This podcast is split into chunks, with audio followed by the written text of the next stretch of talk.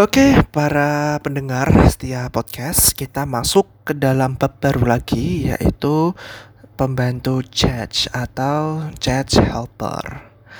Selain menggunakan facet judge, kita juga dapat menggunakan fungsi judge global untuk mengambil dan menyimpan data melalui judge.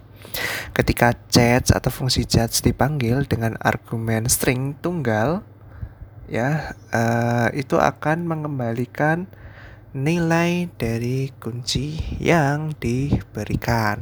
Contoh penulisannya pun sangat-sangat mudah ya. Kalau sebelumnya kita harus memanggil kelas untuk chat itu sendiri, sekarang kita hanya perlu memanggil sebuah fungsi yang telah disediakan secara global oleh Laravel.